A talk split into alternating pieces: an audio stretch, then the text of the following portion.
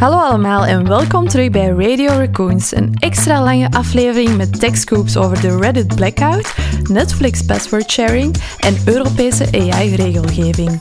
We nodigen Apple-expert Michiel uit voor een deep dive in een nieuwe Apple Vision Pro, aansluitend een glazen bol van David en een watercooler show-off over dumpsterdiven op zoek naar penicilline.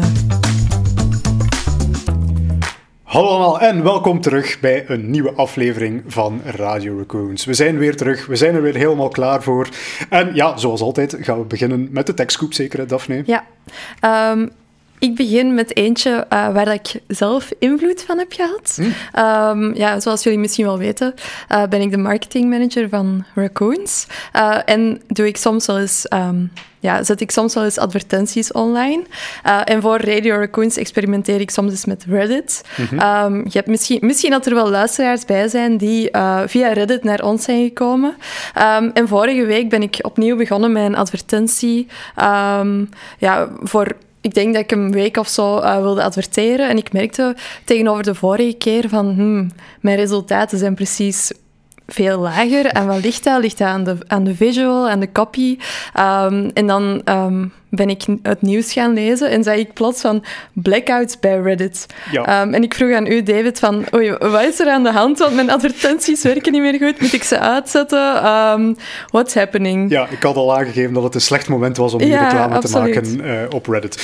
Ja, wat is er daar precies aan de hand? Uh, misschien heel kort ook een beetje schetsen van wat is Reddit precies? Ja. Uh, Reddit is een platform, een, een beetje een sociaal netwerk, kan je ook wel noemen, die, die gecentreerd is rond links en berichten die mensen plaatsen op, op dat platform. Mm. Het speciaal een beetje kunnen het vergelijken met een forum. Uh, de, de oude IT'ers mm. kennen dat nog vroeger, de, op de forums gaan zitten. Maar waarbij eigenlijk iedereen zijn eigen forum kan maken, zijn eigen community kan maken, die dan ook gecombineerd wordt op de frontpage, waar dat je eigenlijk alle communities kunt zien mm. waar je zelf ook op gesubscribed bent. Ja. Dus ik, zie, ik open mijn Reddit en ik zie bijvoorbeeld uh, memes over programmeren gecombineerd met uh, het laatste nieuwe wetenschappelijke nieuws. Uh, het, het, hele idee is dus dat je zelf een beetje kunt gaan kiezen ja.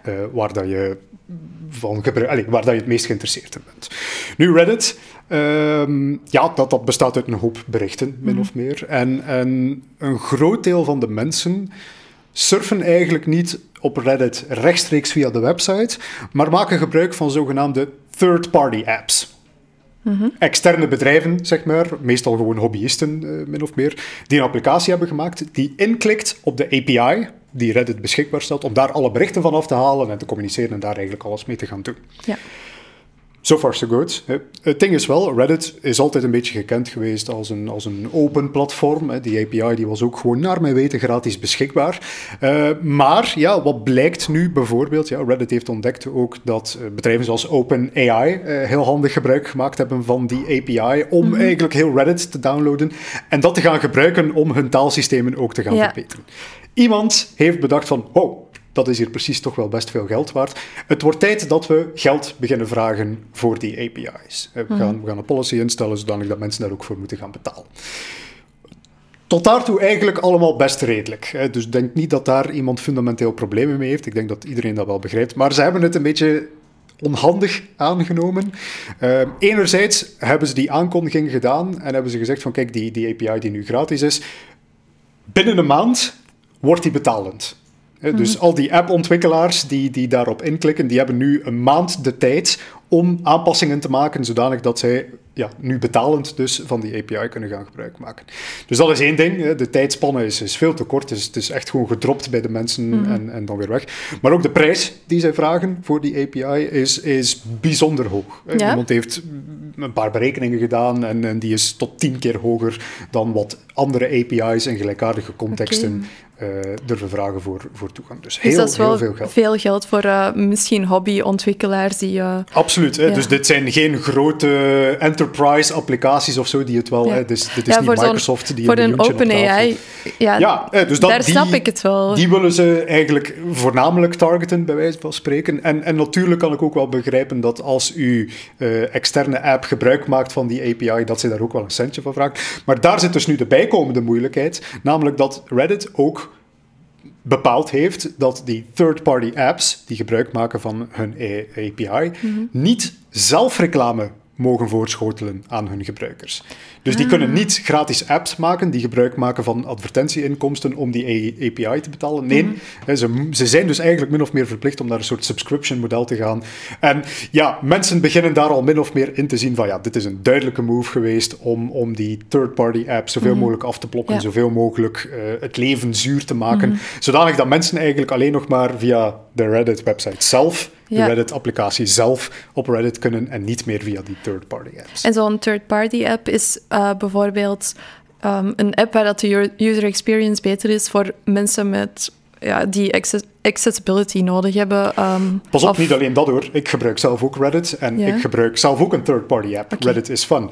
De, kort samengevat, voor mij is dat interessant. De dingen zijn iets compacter gemaakt. Het is, uh, de Reddit-app zelf is nogal mm. uh, veel witruimte, want dat is, dat is het design. Maar ik wil graag een beetje een overzicht hebben van alles. Dus die, die app laat dat ook toe. Hè, biedt ook veel meer functionaliteiten aan power users, heet dat dan, zeg maar. Maar ook, en dat is dan ook nog een extra laagje aan, aan deze controverse, maar ook uh, die third-party apps bieden veel betere accessibility opties aan. Blinde mensen bijvoorbeeld, die willen gebruik maken van Reddit, die kunnen dat eigenlijk alleen maar via die third-party apps optimaal gaan doen, omdat de standaard mhm. app daar niet voor voorzien is. Dus dat allemaal maakt dat mensen nogal ontstemd zijn. En daarom dus is er een soort uh, Reddit-wijde staking aangekondigd, waarbij dat duizenden van die communities, die ik in het begin mhm. gezegd heb, allemaal aangekondigd hebben van wij gaan staken, wij gaan een blackout doen ter protest van deze nieuwe policy changes. Sommige gaan twee dagen online, er zijn anderen die er aangekondigd heeft van kijk, wij stoppen er voor goed mee, uh, we hebben er geen zin meer in. Drastisch. Ja, inderdaad. inderdaad. Uh, Reddit zelf heeft er nog niet op gereageerd. een interne memo is blijkbaar al geleakt geweest waarin dat de CEO iedereen heeft aangemaand van wow, blijf maar rustig, dat gaat hier wel weer gaan liggen en dan kunnen we weer verder zoals usual. Maar mhm. Reddit is wel een beetje gekend omwille van zijn koppigheid. Dus ik ben nog eens benieuwd hoe het, hoe het precies gaat ja, ik heb mijn advertenties al, alvast even stopgezet, uh, want de impressies, ja, ik zeg het toch, ik merkte toch een, uh, een groot verschil. Um, dus uh, ja. En dat is misschien nog het beste teken dat dit misschien wel effectief een zeker effect zal hebben. Want als de adverteerders, als het geld uh, plots uh, ongerust begint te worden bij Reddit, dan zou het misschien wel eens kunnen dat ze toch hun kar gaan draaien. Maar dat is dus nog eventjes afwachten. Ja. Goed, hè, laat ons meteen ook overgaan naar uh, de volgende techscoop. Ja, natuurlijk. Uh, ik zeg het iedere keer. OpenAI, mm ChatGPT. Er is weer nieuws uh, uitgekomen van OpenAI-kant. Want ze hebben namelijk um, een hoop updates op de wereld losgelaten, min of meer. er zijn een aantal interessante nieuwe dingen bijgekomen. Ik denk het belangrijkste is dat um, OpenAI nu ook een Functions API aanbiedt. Okay. Min of meer is het nu ook mogelijk om binnen OpenAI een binnen ChatGPT, zeg maar mhm. eigenlijk, een functie te gaan definiëren, een API te gaan definiëren. Dus ik zeg nu maar iets, een, een weerdienst mhm. bijvoorbeeld. hè. Die, die hebben een API en je moet daar bepaalde variabelen naartoe sturen en je krijgt dan een antwoordje terug die laat nu ook toe om eigenlijk tegen uw ChatGPT te zeggen van kijk, hey, um, ik zeg nu maar iets, hè, als mensen vragen stellen over het weer, dan wil ik dat je met deze API gaat gaan praten en daar eigenlijk het nodige doet om aan uw informatie te gaan komen. Belangrijkste misschien wel is dat OpenAI niet zelf die API gaat aanspreken. Het is niet dat dat volledig automatisch verloopt, dat, dat mm -hmm. uw ChatGPT dan praat met uw API en dan het antwoord teruggeeft. Nee, het enige wat zij doen is eigenlijk op basis van wat het systeem begrepen heeft, geven zij u de API-call die jij moet sturen. En dan moet jij en jouw programmaatje even gaan praten met die server, het resultaat teruggeven aan ChatGPT. En ChatGPT gebruikt dan dat antwoord om in natuurlijke taal een antwoord te gaan formuleren. Dus dat is toch wel een, een exciting nieuwe toevoeging eraan, want nu kan iedereen zeg maar, zelf API's gaan beginnen integreren in die large language model workflows. Dus dat is wel een hele grote. Ook nog wat ander nieuws natuurlijk. Ik denk de belangrijkste is dat ze ook de, de context window vergroot hebben mhm. van GPT. Dus uw GPT-systeem kan nu nog meer informatie in zijn brein gaan houden als en is dat dan uh, het plus gedeelte of ook voor de niet Nee, dit gaat uh, eigenlijk niet over ChatGPT ah, en ChatGPT Plus. Dit gaat over de ChatGPT API. Ah ja, sorry. Ja. Waarbij je eigenlijk exact hetzelfde kan doen. Hè? Dus er bestaan tooltjes op het internet waarbij je zegt van ik download een programmaatje voor op mijn computer. Ik stop daar mijn API key in, mhm. de, sleutel waarmee je eigenlijk communiceert met OpenAI API's. En dan eigenlijk gewoon zegt van kijk, vanaf nu... En, en voor de rest is dat dan eigenlijk een ChatGPT interface. Mhm, mhm. Maar met een rechtstreekse programmalink. Ja. Dus voor die mensen is dat zeer interessant. Niet de, de ChatGPT-gebruikers, maar wel ja, eigenlijk wat wij hier ook doen, applicaties bouwen met die large language models, dat wordt nu nog sterker, nog efficiënter. Daarnaast, uh, dat is zoiets typisch voor OpenAI aan het worden, heb ik zo de indruk. Naast het feit dat ze verbeteringen aankondigen, hebben ze ook aangekondigd dat er heel wat prijsdalingen aan zitten komen. Dat is eigenlijk wel. Ja, het is, ja. Het, is, het, is, heel ongewoon. Meestal zeggen ze van, kijk, het is beter, maar het kost ook wat meer geld. Nee, uh, uh, OpenAI is echt wel on a mission hmm. om ja, de, de prijs... Ik, ik denk dat ze het zelf, de, de, de price of compute, nee, de, de, de prijs van intelligentie zelfs naar beneden willen gaan halen. Zo spreken zij erover. We willen dat mensen intelligentie bij ons kunnen afnemen aan een zo laag mogelijke rate price. Ja, wel een mooie missie zou ik zeggen, maar ja, inderdaad. En ze, dat zorgt er toch wel voor dat ze nu toch nog altijd bovenaan mhm. de large language model ladder blijven staan. En uh, is dat een grote um, prijsdaling? Of, uh... Ik had ergens gezien dat het uh, bepaalde... Het zijn, ze hebben verschillende componenten en het zijn wel afzonderlijke prijsdalingen per stuk, maar eentje die ik bijvoorbeeld onthouden had, was dat hun embeddingsmodel... Mm We hebben er gisteren, vorige keer over gesproken met die vector databases en embeddings. Ja je weet het nog. Mm. hun embeddingmodel hebben ze bijvoorbeeld 75% goedkoper gemaakt. Maar dus dat, is echt, van de dat is echt wel veel verschil. Oké, grappig um, dat OpenAI het zo aanpakt, want Netflix doet juist het tegenovergestelde. en, ja, inderdaad, prijsdalingen. Ja, um, en dat was ook de, de volgende tekstkoop. Um, het is al even... Allez, we hadden het eigenlijk in de vorige aflevering al kunnen bespreken, maar toen hebben we het niet besproken. Nu gaan we dat wel doen. Um, ja, de Netflix uh, password sharing. Um, ja, eigenlijk, het komt erop neer parasieten kunnen niet meer parasiteren op Netflix. Um, en ze hebben ja, hun, ja, een soort van mechanisme geïnstalleerd dat je niet meer, zogezegd, um, met je vrienden een account kunt delen en dat je eigenlijk in hetzelfde gezin, in hetzelfde huis zou moeten wonen. Um, en dat het gewoon veel moeilijker is geworden om een account te delen. En ja, bijvoorbeeld ik was zo'n parasiet. Ik deelde een account um, en nu kan ik niet meer op mijn smart TV uh, streamen, aangezien ik niet de hoofdgebruiker ben, zogezegd. Uh, ik kan nog wel op mijn gsm naar mijn Chromecast uh, streamen, maar niet meer op mijn smart TV inloggen. En ja, ik, ik denk dat dat ook niet meer lang gaat duren dat mijn Chromecast nog gaat werken. Het heeft wel een, een grote impact. Um, ik had gedacht dat veel mensen gingen cancelen, maar ik heb opgezocht en het zou met 102% gestegen zijn, de daily sign-ups. Um, en de cancellations zouden minder zijn. Dus hun doel werkt wel. Ja. Um, ja, missie geslaagd. Ik weet het niet. Ik vind het al sinds niet zo leuk. Ik vind het ook wel raar dat als je dan zo'n basisaccount neemt, dat maar 720p is, uh, in plaats van HD eh, of Full HD. Ik weet niet exact wat je krijgt bij een premium account. Um, full HD en dan 4K. Voor maar ja, het is toch wel een, een, een gekke ontwikkeling in het streaming-landschap, denk ik. Hè? Ik denk, het is een beetje de typische levenscyclus van, van zeker Amerikaanse bedrijven. In het begin kunnen ze heel hard groeien door nieuwe gebruikers aan te trekken. Maar ja, Netflix is al overal. Ja. Zoek nog eens een huishouden die geen Netflix heeft. Ze gaan niet nog meer mensen overtuigen. Dus nu volgt fase 2, zeg maar, van, van elk Amerikaans bedrijf. En dat is, hoe krijgen we zoveel mogelijk geld uit onze bestaande gebruikers? Mhm. Mijn hoop was nog ergens geweest van, van mensen gaan massaal cancelen nu dat ze er weer wat geld bovenop proberen te vragen. Maar kijk. Nee, ja, blijkbaar niet. En um, ik zou zeggen, ik ga ook cancelen of ik ga geen Netflix meer gebruiken. Maar blijkbaar zou morgen een nieuw seizoen van Black Mirror um, lanceren. En daar heb ik eigenlijk ook nog een klein side tekstkoopje bij. Um, daar heeft uh, de maker, Charlie Brooker heet hij, um, hulp gevraagd aan ChatGPT. Okay. Maar niet op de manier waarop dat jij en ik dat misschien doen. Uh, hij heeft het om, op de tegenovergestelde manier gedaan. Hij heeft gezegd van, kom, schrijf eens een Black Mirror-episode. Um, en dan heeft hem gewoon gedaan, het exact het tegenovergestelde gedaan dan wat ChatGPT heeft gezegd. Want hij had zoiets van, als ChatGPT het kan, dan is het niet meer zo origineel. En hij, hij, zei van, ja, op het eerste zicht lijkt het wel een goede output, maar als je dan diepgaand begint te lezen, dan lijkt het heel hard op wat ik ooit al heb gedaan. En bij Black, Black Mirror is het toch wel altijd zo, hoe komen ze erop om het zo aan te hmm. pakken? Het zijn altijd andere concepten. En ik ben, allee, ik ben wel super benieuwd naar, uh, naar uh, dat nieuwe seizoen. Dus ik denk dat ik nog even Netflix ga houden.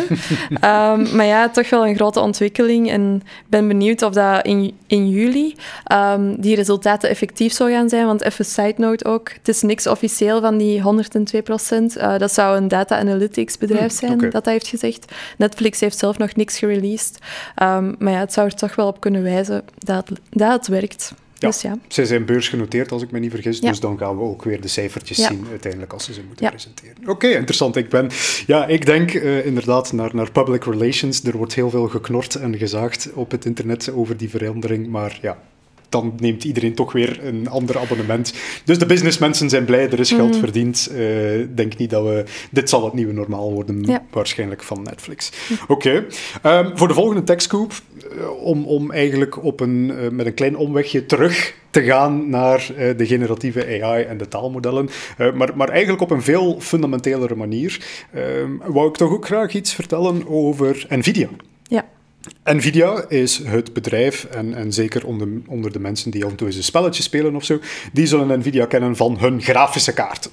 Grafische kaarten oorspronkelijk echt wel ontwikkeld om spelletjes te gaan spelen. Mhm. Dus de, daar is Nvidia min of meer mee groot geworden. Maar eh, misschien niet iedereen weet dat, zeker de mensen in de AI-wereld, die zijn daar zeer bewust van. Maar uh, voor buitenstanders, die weten misschien niet dat AI ook een quasi-monopolie heeft op de hardware die gebruikt wordt voor het draaien van die AI-modellen. Mhm. Hm? Eh, als we bijvoorbeeld vandaag kijken naar ChatGPT, hm, die draaien op servers van Microsoft, hm? maar die uh, servers van Microsoft die gebruiken grafische kaarten van Nvidia. Ja. Uh, dus die, dat is eigenlijk echt de, de basislaag, de hoeksteen van mhm. onze hele AI-revolutie. Dat zijn die GPU's, die grafische rekenmachines die Nvidia gaat gaan produceren. Nu, um, ja, dat is een evolutie die al een tijdje lang bezig is, uh, want Nvidia beseft plots van, hey, we kunnen hier plots veel meer geld verdienen aan bedrijven die nu allemaal AI-modelletjes willen trainen dan mensen die de nieuwste spelletjes willen spelen, zeg maar. Uh, dus steeds meer zijn die grafische kaarten ook AI-kaarten ja. Nvidia heeft nu al een aparte lijn die zo meer gericht is op servers, die, die hele grote computaties moeten doen, vooral voor AI.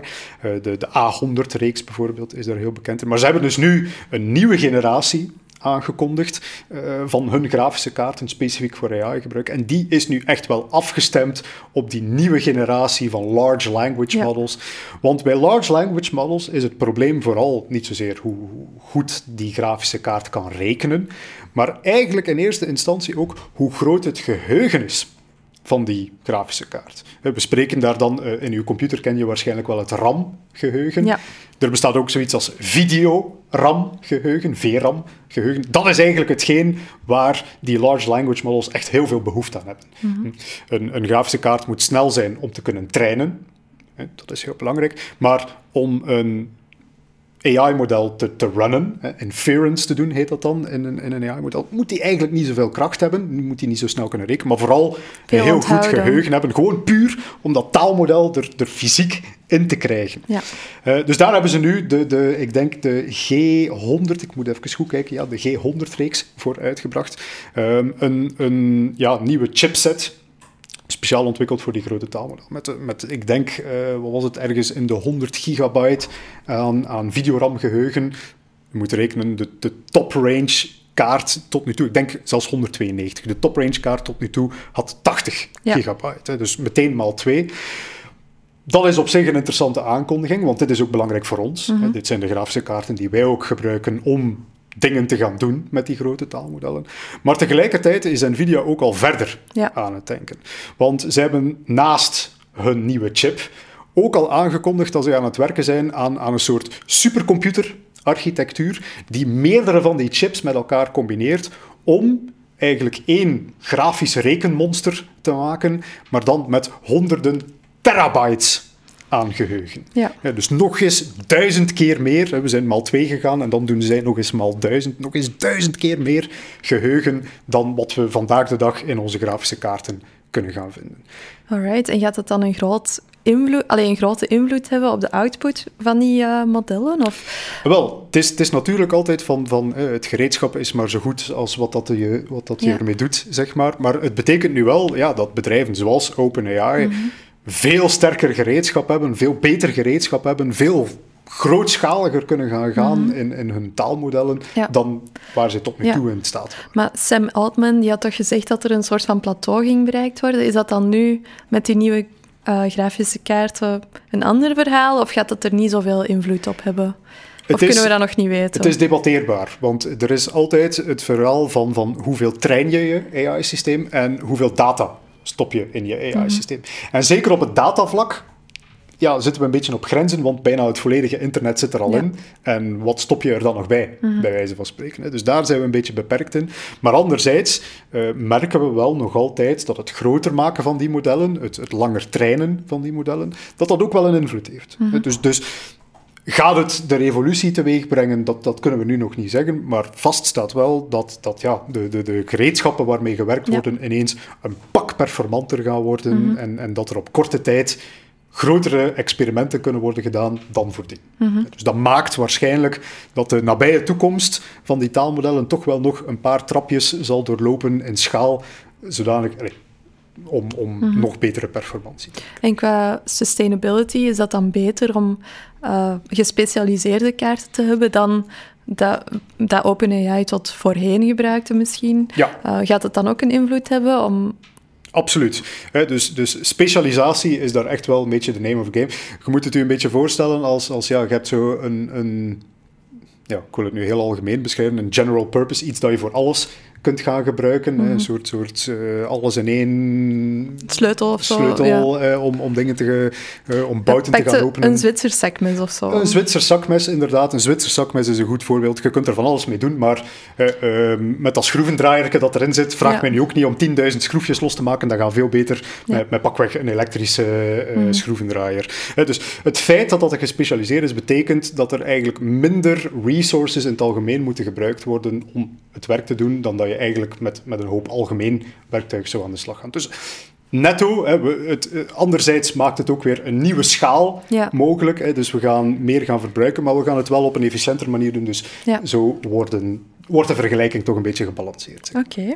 Ehm, ik ben benieuwd welke impact dat het gaat hebben, want uh, OpenAI gebruikt het nu al hè, bij Microsoft. Ja, inderdaad. All right. Um, volgende tekstkoop we hebben al vaak over AI-powered uh, eh, muziek gepraat. En er is nu weer al iets nieuws uitgebracht. Meta heeft Music Gen uitgebracht. We hebben het deze ochtend ook al eens getest. en het is open source. Um, het is heel simpel. Het lijkt op, op bijvoorbeeld Refusion of zo, waar je een tekstje van ongeveer een tekstje kunt invoeren en dat er dan audio gaat uitkomen, ongeveer 12 seconden. Uh, je kunt zelf ook een referentie-audio uploaden, dus een liedje dat je al hebt, en zeggen: um, je moet van deze audio een bepaalde andere stijl maken of zo. En het werkt eigenlijk redelijk goed. En ja, die open source is toch wel het verschil met de andere modellen die nu um, beschikbaar zijn. Dus um, daar ook weer evolutie het voordeel van de open source wereld is sneller evolueren, sneller itereren. Dus uh, ik denk misschien binnen twee weken zijn we alweer over een ander open source model aan het spreken die het nog beter doet dan hetgeen dat we nu al terug kunnen vinden. Maar ja, ook weer um, ethische vraagstukken en daar hebben we vandaag misschien uh, een antwoord op, hè, David? Ja, um, de, de laatste tekstkoep voor vandaag, daar, waar we toch nog eventjes bij willen stilstaan, is omdat, ja, vandaag zijn we woensdag, we, we publiceren altijd iets later, en net vandaag wordt er ook gestemd over de nieuwe AI, Europese AI-regelgeving. Dus misschien wel best belangrijk dat we daar toch eventjes bij stilstaan, mm. van wat gaat daar precies weer... We hebben het er vaak al over gehad, hè, van hoe gaan we dat nu reguleren allemaal, die AI en die voice cloning en uh, zelfs die muziek. Hè. Allee, wat gaat daar nu mee gebeuren? En vandaag wordt het iets duidelijker dan. Ja, Europa probeert een poging te doen om iets van regelgeving te beginnen voorzien rond artificiële intelligentie. En het interessante is wel dat, dat Europa heel goed heeft nagedacht over het feit van, ja, eigenlijk deze regelgeving die moet wel een aantal jaar meegaan. Ja. Eh, want als we de hele tijd proberen reageren op hoe ziet die technologie er nu uit, tegen de tijd dat de regelgeving ja. erdoor gekomen is, mhm. is het al lang verloren. Die regelgeving focust zich dus voornamelijk op de toepassingen van artificiële intelligentie. Dus je gaat gereguleerd worden, niet omdat je een bepaalde technologie gebruikt die, die op een bepaalde manier werkt, maar wel omdat je een bepaalde toepassing voor ogen hebt, omdat je mhm. bepaalde zaken wilt gaan doen met zo'n AI-systeem. En dus het belangrijkste, opnieuw, er is een hele tekst en, en advocaten gaan hier meer over kunnen vertellen dan wij, uh, maar de, de, de belangrijkste conclusie is dus dat de Europese Unie um, vier risico categorieën gedefinieerd heeft voor artificiële intelligentie. Ja. En die gaat van onacceptabele AI, dus dat, dat is helemaal boven de. Dus dat is gewoon toekoer verboden, mogen we niet doen. Behalve een uh, paar asterisken, opnieuw advocaten, daar zijn ze altijd heel goed in. Behalve een paar heel, heel, heel, heel, heel selectieve uitzonderingen. Uh, Moet je waarschijnlijk ook aanvragen dan? Uh, wel, dus dat, dat, dan gaat het echt op overheidsniveau dingen. Uh, wij willen nog altijd AI gebruiken om terroristen op te sporen, bijvoorbeeld. Ja. Maar als bedrijf mag je dat niet doen. Kort samengevat. Ja. maar onacceptabele AI, dat valt bijvoorbeeld ook um, real-time biometrische analyse. Dus heel expliciet maken we in Europa duidelijk: wij mogen geen AI gebruiken om de mensen continu real-time in de gaten te houden.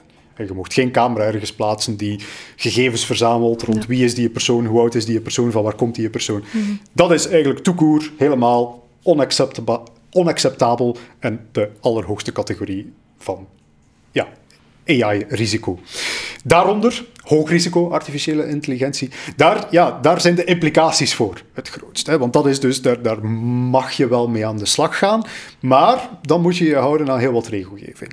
Uh, kort samengevat, opnieuw, de definitie is, is heel legalese, maar kort samengevat, hoog risico AI, daar gaan we altijd over spreken als het een rechtstreekse invloed heeft op mensenlevens.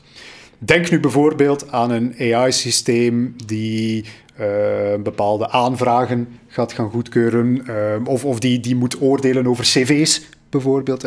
Op het moment dat je een AI-systeem hebt die beslissingen maakt over ja, iets dat een echte impact kan hebben op een mensenleven, dan word je in de toekomst eigenlijk verplicht om jouw AI-systeem te laten registreren. Mhm. En moet je ook beantwoorden aan een heel aantal vereisten in zaken um, je datakwaliteit. Je gaat moeten bewijzen, dit is mijn data, ik heb die data daar vandaan gehaald, ik heb die gefilterd op bias bijvoorbeeld. Daar wordt ook heel expliciet over gesproken. Hè, dat je daar je moet kunnen aantonen dat uw data veilig is, dat uw data vrij is van biases. Eh, en je moet ook heel goed documenteren hoe dat uw applicatie gebruikt wordt, welke context dat uw applicatie gebruikt wordt. En dat moet allemaal geregistreerd worden.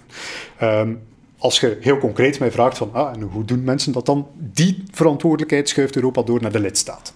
Dus ergens in de nabije toekomst zullen we verwachten dat België mhm. dus afkomt met een nationaal AI-register. En als jij dus iets dan wil maken die binnen die mhm. hoogste categorie valt, dan moet jij met die instantie gaan praten om goedkeuring te krijgen. Veel administratie waarschijnlijk. De bedoeling van Europa is om die administratie zoveel mogelijk te hm. verminderen. Maar ik heb het nu net gezegd, Belgische instantie. En ja, voilà, eh, daar, daar haal je de conclusie um, al meteen Vraagtekens. Oké. Maar natuurlijk, hè, zij, zij, het, het mag wel gezegd worden, Europa heeft een redelijk sterke effort gedaan om die categorieën zoveel mogelijk te beperken.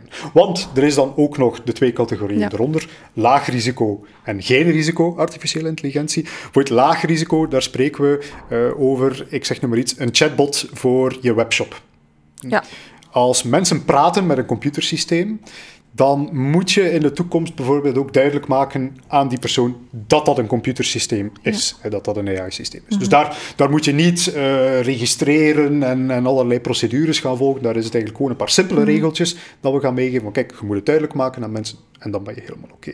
En dan zelfs de heel, hele onderste categorie, uh, daar denken ze bijvoorbeeld aan AI in videospelletjes enzovoort ja. enzovoort. Uh, niets dat te maken heeft met mensenlevens, entertainment, daar zijn er helemaal geen vereisten. Ja. Of ik als uh, marketeer die AI gebruikt om uh, social posts te schrijven of zo.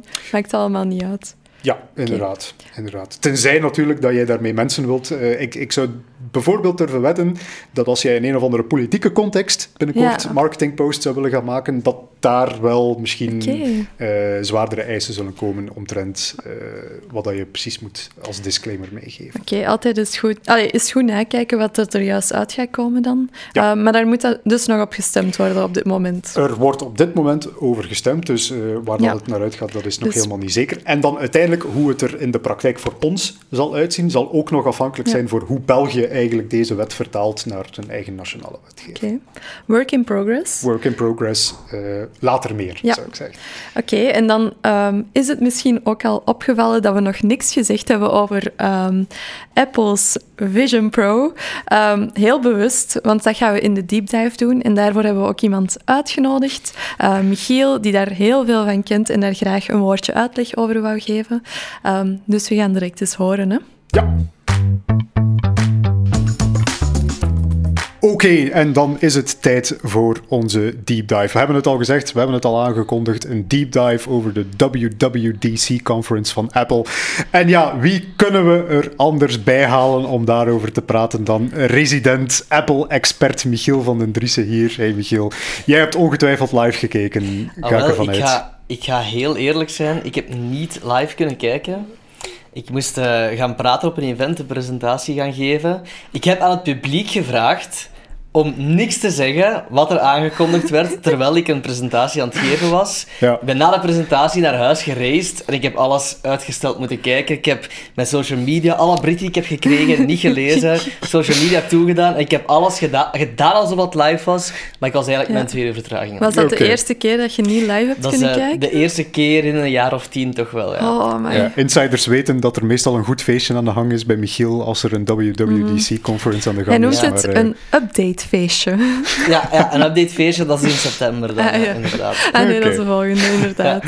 Maar dus Michiel, eh, met twee uur vertraging weliswaar, maar, maar kan je ons eens toelichten van wat, wat heb je allemaal onthouden van die conferentie? En dan specifiek, hè, we gaan het hebben over de Vision Pro, er is nog andere hardware aangekondigd, maar, maar er, is, ja. er is heel veel hardware en software aangekondigd, er zijn nieuwe Macs aangekondigd, er zijn nieuwe besturingssystemen aangekondigd. Ik denk als we dat allemaal moeten gaan herhalen, gaan we de podcast iets te lang maken. Maar dus inderdaad, ze hebben in, na jarenlang hebben ze nog eens een, befaamde One More Thing aangekondigd. Uh, wat dus een, de Apple Vision Pro bleek te zijn. Een uh, gloednieuwe mixed reality headset van Apple. Oké. Nu, een van de belangrijkste dingen inderdaad dat ik zelf toch al begrepen heb van, van het apparaat die Apple gereleased heeft, is van, ja, er wordt vaak gesproken over de, de Vision Pro VR bril, maar dus ja, de term mixed reality is hier toch, toch, toch echt wel van. Ja, het is dus mixed reality. En dat wil dus zeggen dat je je eigen omgeving ga je nog steeds zien.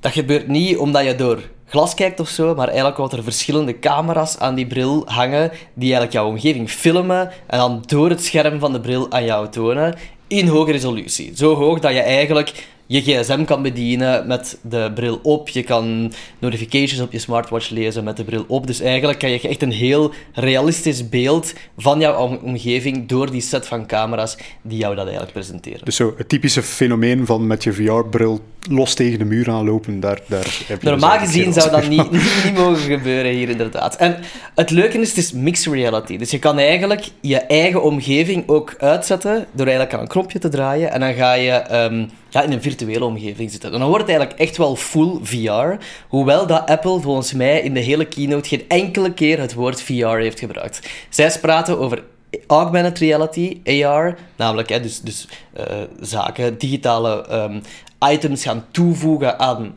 je huidige omgeving.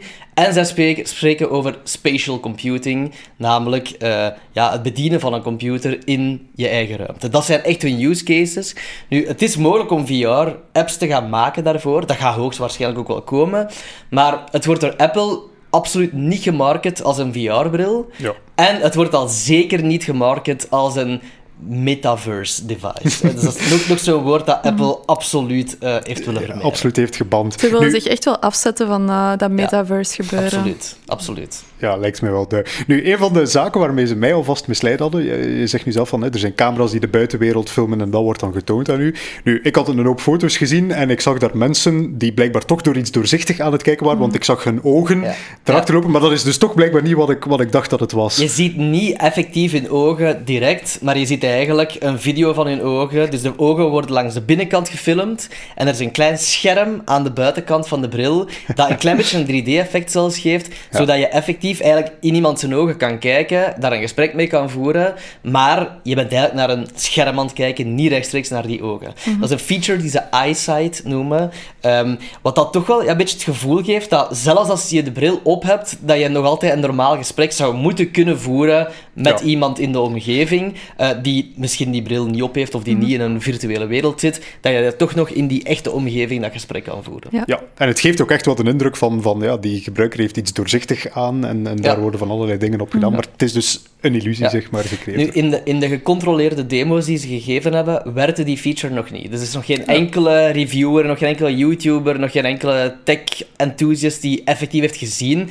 Het enige wat we daarvan gezien hebben, is de, de filmpjes in, in de Apple marketing. Mm waar dat dan wel ja, er, er ofwel heel raar uitziet, ofwel heel cool uitziet, ofwel allebei. Dat gaan we, uh, die mening gaan we nog moeten vormen eens dat de, de, de, de bril effectief ooit gezien hebben. Natuurlijk. En, en, zijn ze daarmee dan grenzen aan het verleggen? Is dat iets, iets helemaal nieuw? Want die mixed reality bril, wat, is dat dan iets dat al bestaat misschien van competitors? Of is Apple echt grenzen aan het verleggen? Het lijkt in zekere zin natuurlijk wel een beetje op de Meta Quest Pro, die ook uh, pass-through video heeft, hè, dus, dus de echte wereld laat zien via mhm. camera's, in kleur. Hè, bij de gewone Quest was dat heel lage resolutie, zwart-wit. Ja. De Quest Pro is al in kleur, maar nog steeds lage resolutie.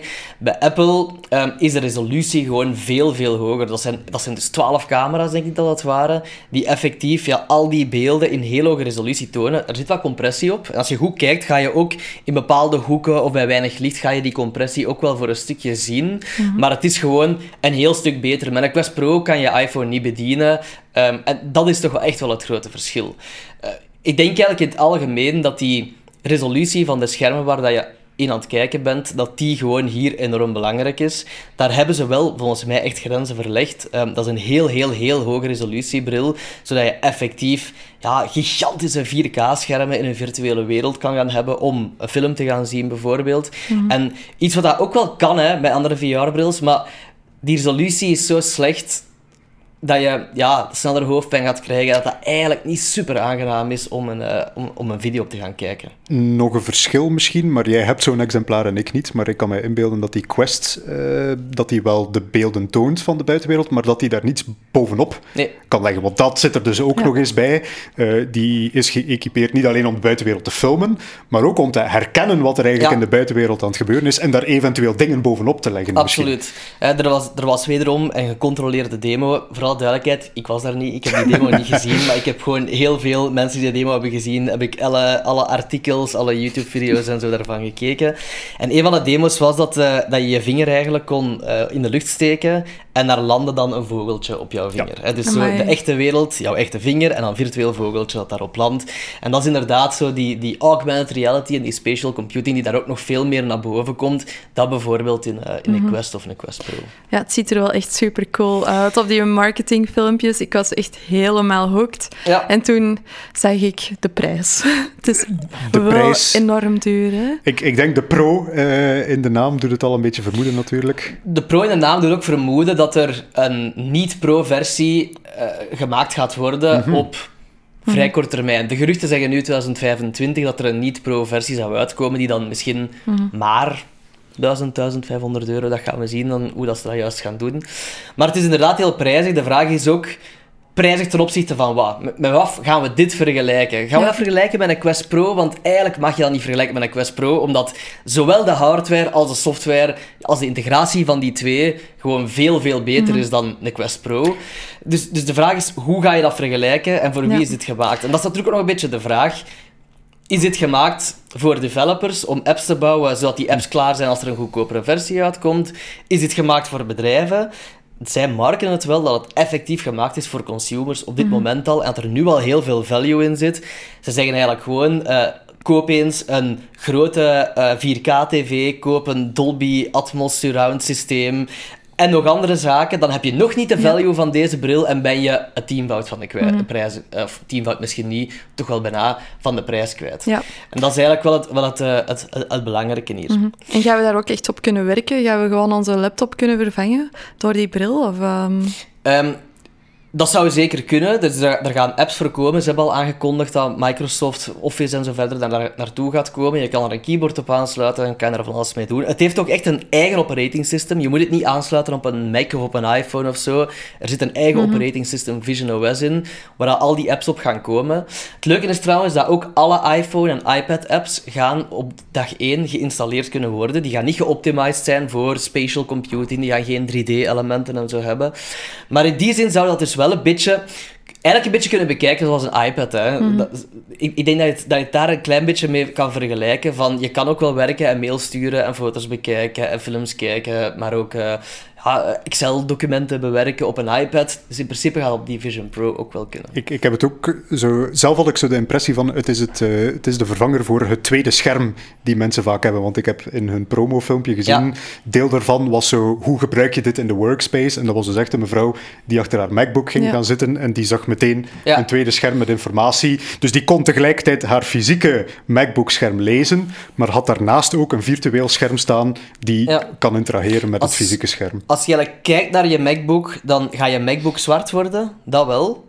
Omdat ze wil- niet willen zien dat mensen aan het meekijken zijn of zo. Dus dan ga je Hm. Ja. eigen MacBook zwart worden. En ga je eigenlijk het scherm van de MacBook meteen in het groot voor jou zien. En Ah. Het nadeel is, je kan maar één MacBook-scherm voor jou zien. En dan natuurlijk nog andere apps daarnaast open hebben. Maar ze kunnen geen wireless streams van meerdere eh, schermen tussen de brillen en MacBook gaan geven. Daarmee dat, dat dat nog een van de beperkingen vandaag is. Oké, oké. Wat dan misschien wel nog heel, heel belangrijk is om te vermelden, is eigenlijk hun manier. Dat is wat Apple altijd doet, hè. Een, een human- human-computer interaction systeem. Ze zeggen, wij hebben basically de muis uitgevonden niet, maar we hebben het groot gemaakt met eerst de Lisa en vooral daarna de Macintosh. Wij hebben mensen geleerd om een scherm aan te raken met de iPhone. We hebben laten zien dat touchscreen de toekomst zijn. En ze beweren nu dat ze iets gelijkaardigs hebben gedaan. En de reviews zeggen dat het ongelooflijk is en ik wil het heel graag eens testen, maar ik heb het uiteraard nog niet getest. Hoe bedien je deze bril? Je kan een, keyboard aansluiten en dan kan je ook dat, zo- dat, soort zaken gaan doen. Maar eigenlijk, je ziet een hoop icoontjes voor voor je uit. Je kijkt naar een icoontje en dat icoontje wordt automatisch geselecteerd. Kijk je naar een ander icoontje en je moet daar niet per se je hoofd voor eh, bewegen. Je gaat effectief je oogbollen gaan volgen, kijken naar waar dat jij aan het kijken bent. En dan kan je selecteren en zoomen en scrollen. Is allemaal gewoon met de handen. Maar mensen die al een Quest hebben, daar zit hand detection of hand recognition of noemen ze het in. En dat werkt wel, maar oké, dan moet je je handen heel goed tonen aan die bril en heel duidelijke gestures gaan maken de, de filmpjes eh, die ze tonen is eigenlijk, en ook de reviews zeggen het, dat het eigenlijk ja, echt een heel, een heel intuïtieve manier is. Je legt je hand eigenlijk op je schoot, er zijn camera's die naar beneden wijzen, en je kan eigenlijk heel, ja, heel subtiel gewoon tikjes gaan maken met je vingers, ehm, omhoog en omlaag scrollen door je vingers samen te nijpen en om, omhoog en omlaag te gaan met je handen. Dat allemaal in combinatie met de kijken naar zaken zou een soort van nieuwe, revolutionaire human-computer interaction systeem zijn. Ik kan dat nu niet bevestigen dat dat zo gaat zijn. Ik heb het nog niet zelf opgehaald. Maar ehm, het, het ziet er wel echt heel Ja. veelbelovend uit. En ehm, ik had een review gezien van Marcus Bla- Brownlee. En die zei echt, dat is magie. En eh, hij zegt Ja. het niet snel, zei hem. En dat het zo, ook zo snel, dat je het zo snel gewoon bent om zo te interageren met dat systeem. En dat hem zei van, in het begin deed ik soms zo per ongeluk met mijn vingers tegen elkaar, maar dan heb je ook wel heel snel door van, ik mag dat niet doen, want inderdaad, zelf als je het hier doet, naast Ja. je hoofd, hebben ze het gezien. Ja. Ehm, en, en ook dat je naar iets kijkt en dat het dan daar recognized is echt wel next level zijn. Ja. En dat geloof ik ook wel, dat dat iets, iets helemaal nieuw gaat zijn, maar dat mensen dat wel snel gewoon gaat, gaan zijn ook. Ehm, dus ik ben echt super benieuwd. Ik hoop dat Raccoons eh, zo'n bril gaan aanschaffen en dat we het eens kunnen testen, want eh, het lijkt me wel echt Ja, heel cool. hij, komt, eh, hij komt uit begin 2024 in United States. Dus wanneer het hem naar België komt, of dat we misschien een van de United States kunnen gaan halen, dat gaan we nog even moeten bekijken. Maar ik denk dat we... allee, denk dat er wel een, een soort markt gaat komen voor daar applicaties voor te gaan bouwen. Ook al is hem nog heel duur, ook al gaan de sales rates nog heel laag blijven in het begin, omdat inderdaad, trouwens de prijs, ik weet niet of we het er al over hebben gehad, het is 3500 dollar. Weet dat eh, Amerikanen zonder BTW rekenen en wij met BTW. Dus eigenlijk in 3500 dollar, dan denk je, oké, dat is 3200 euro. Maar tegen dat dat hier echt in de winkel ligt, en ik verwacht dat het 3999 euro gaat zijn. Ja. En dat, dat het zoiets gaat zijn en dat dat de, de, de Belgische prijs gaat zijn. Ehm, dus dat is natuurlijk wel een van de nadelen. De vraag is natuurlijk, er zit zot veel technologie in. Er zitten meerdere schermen in. Allee, de, de, de resolutie van het scherm is extreem. Er zitten zot veel sensoren in. Eh, er zit trouwens ook een... ehm, eh, ik weet niet ik wil zeggen eye-ID, maar dat was het niet. Het is een, het is, ze hebben het een bepaalde, bepaalde naam gegeven dat je ook je oog kan gebruiken om hem te unlocken. Dus als je hem gaat opzetten, dan ga je mijn... Ja, inderdaad. Ze hadden een marketingterm voor, ik ben de naam nu even kwijt.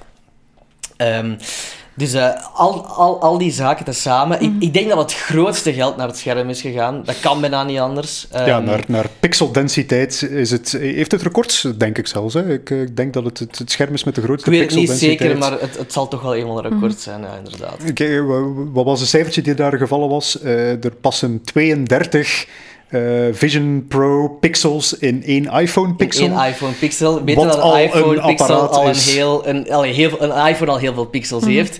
En inderdaad, de schermen hier ook heel klein zijn. Hè. Het, zijn het zijn effectief kleine schermpjes waar je naar kijkt, maar die wel een zot groot 4K beeld Het is natuurlijk het omgekeerde van wat uw mama destijds nog gezegd heeft van niet uw scherm tegen uw neus ja. plakken. Ja. Dat is exact wat we hier aan het doen zijn. En ja. daarom mm -hmm. hebben we natuurlijk die densiteiten, uh, die densiteiten nodig. Um, misschien ook wel belangrijk voor mensen die een bril dragen, is ook zo'n eeuwig ja. probleem met mm, um, ja. um, VR-brillen. Ze hebben samengewerkt met, ik weet niet hoe dat je het uitspreekt, maar ik denk Zeiss, of Zeiss? Zeiss? Ja, de lenzenfabrikant. Lenzenfabrikant die officieel erkende lenzen op sterkte kunnen bijleveren bij de Vision Pro, sold separately. Ja, Uiteraard tegen betaling.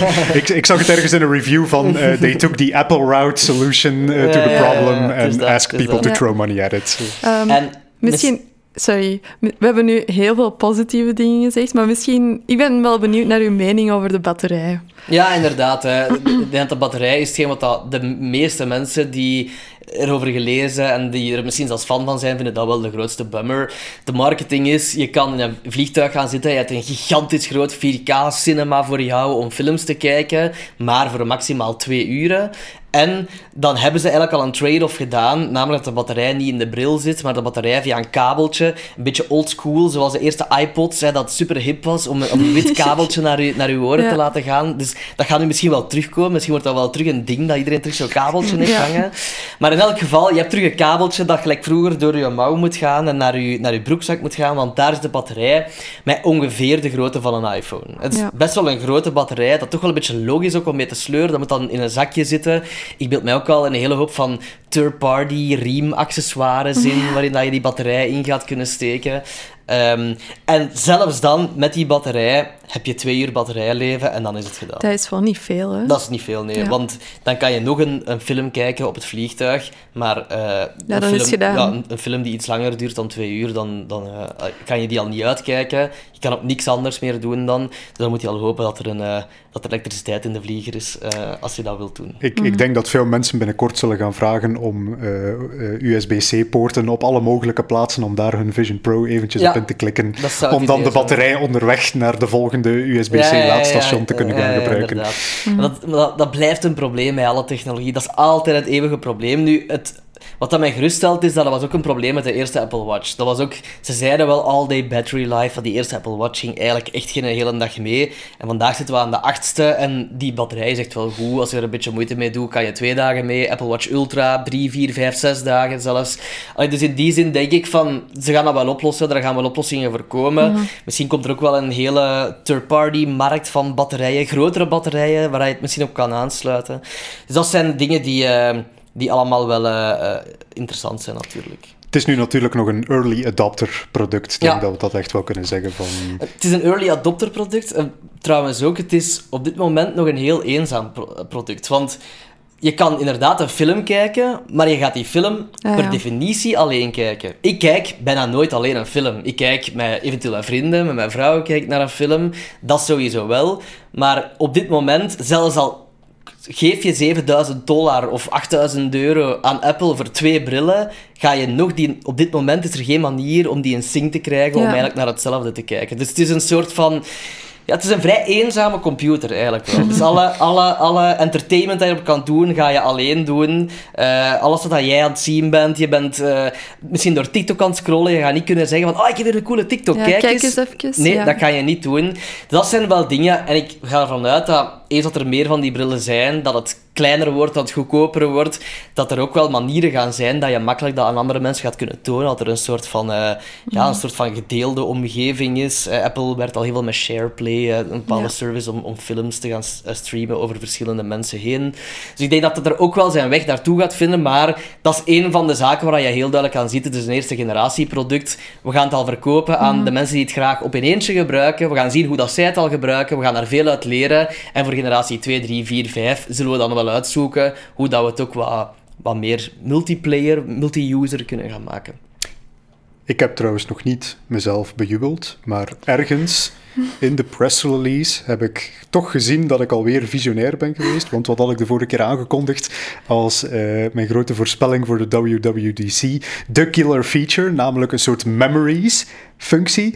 En ik heb het niet gezien in het videootje, maar er is wel eh, ergens in een press release over gesproken dat er wel degelijk een functionaliteit in zit om een foto te maken van je omgeving en daar later virtueel terug in te gaan kruipen. Zoals je zegt, nog niet met meerdere mensen tegelijkertijd in een soort shared space, maar kijk, bij deze Apple gratis mhm. voorspelling voor de volgende iteratie. Ja. Het komt eraan, ze zijn er gegarandeerd mee. Absoluut. En het, uh, het wordt wel trouwens in de filmpjes ook gemarket. Het is, ah. het is effectief, een, um, omdat er meerdere camera's in zitten, kunnen ze effectief 3D-video's maken, 3D-foto's maken en je kan je achteraf bekijken in de bril. En is er niet volledig in, maar je ziet eigenlijk, zoals je een beetje een 3D-film ziet, um, zie je dus eigenlijk ja, eh, de, het moment dat je toen hebt gecapteerd, ga je opnieuw kunnen zien in een soort van driedimensionale mm systeem. Ehm, het ziet er een beetje wel nozel uit, want het voorbeeld dat ze aan gaven is aan de papa die op het feestje van de kinderen die bril op heeft en filmpjes aan het maken is. En natuurlijk, we zijn dat niet gewoon. Hè. Wie weet kan Apple dat, dat, die look wel hip maken. Dat, dat, echt wel, dat je de coole papa bent als je dat op hebt. Maar als ik er nu naar kijk ziet het er vrij belachelijk uit dat je daar met je bril op. Ik heb het ook nog een paar keer gezien, zo, zo de geek-effect of zo dat het genoemd wordt. Zo, het ziet er nog een beetje geeky uit.